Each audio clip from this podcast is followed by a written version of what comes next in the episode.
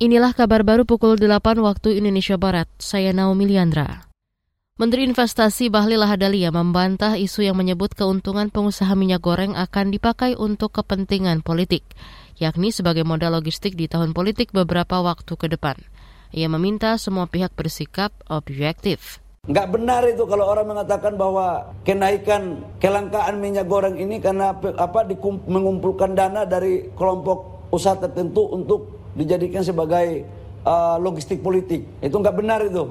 Jadi mohon kita sama-sama sesama anak bangsa untuk kita memberikan statement yang yang baik dapat dipertanggungjawabkan untuk perbaikan ekonomi dan stabilitas investasi. Menteri Investasi Bahlil Lahadalia mengklaim pemerintah berusaha mengakomodasi kepentingan rakyat maupun dunia usaha. Kata dia, larangan ekspor minyak sawit mentah merupakan keputusan terbaik di antara pilihan lain yang lebih buruk. Menurutnya, kebijakan ini tak perlu diambil jika pengusaha mematuhi kewajiban pemenuhan kebutuhan dalam negeri.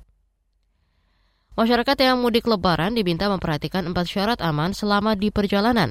Empat syarat itu merupakan kunci meminimalkan risiko penularan COVID-19.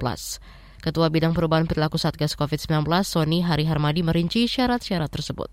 Yang pertama, pastikan kita memenuhi syarat perjalanan. Yang kedua, pastikan tubuh kita dalam kondisi sehat yang ketiga, pastikan kita pergi dengan orang yang satu rumah. Itu akan lebih aman. Makanya pastikan pergi dengan yang satu rumah. Pastikan bahwa di perjalanan itu perhatikan berbagai titik lengah potensi penularan. Misalnya di toilet umum, di tempat-tempat makan, dan seterusnya. Sony menambahkan syarat utama untuk perjalanan adalah vaksinasi lengkap dan suntikan penguat atau booster.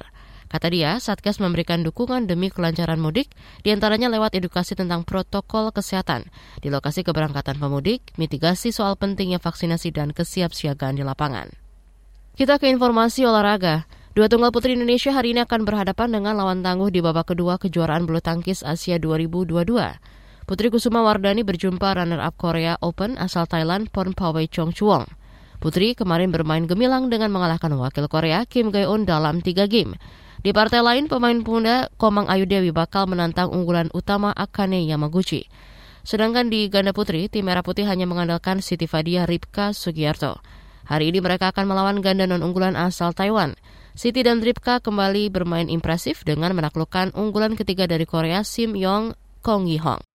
Saudara, demikian kabar baru KBR. Saya Naomi Liandra, undur diri.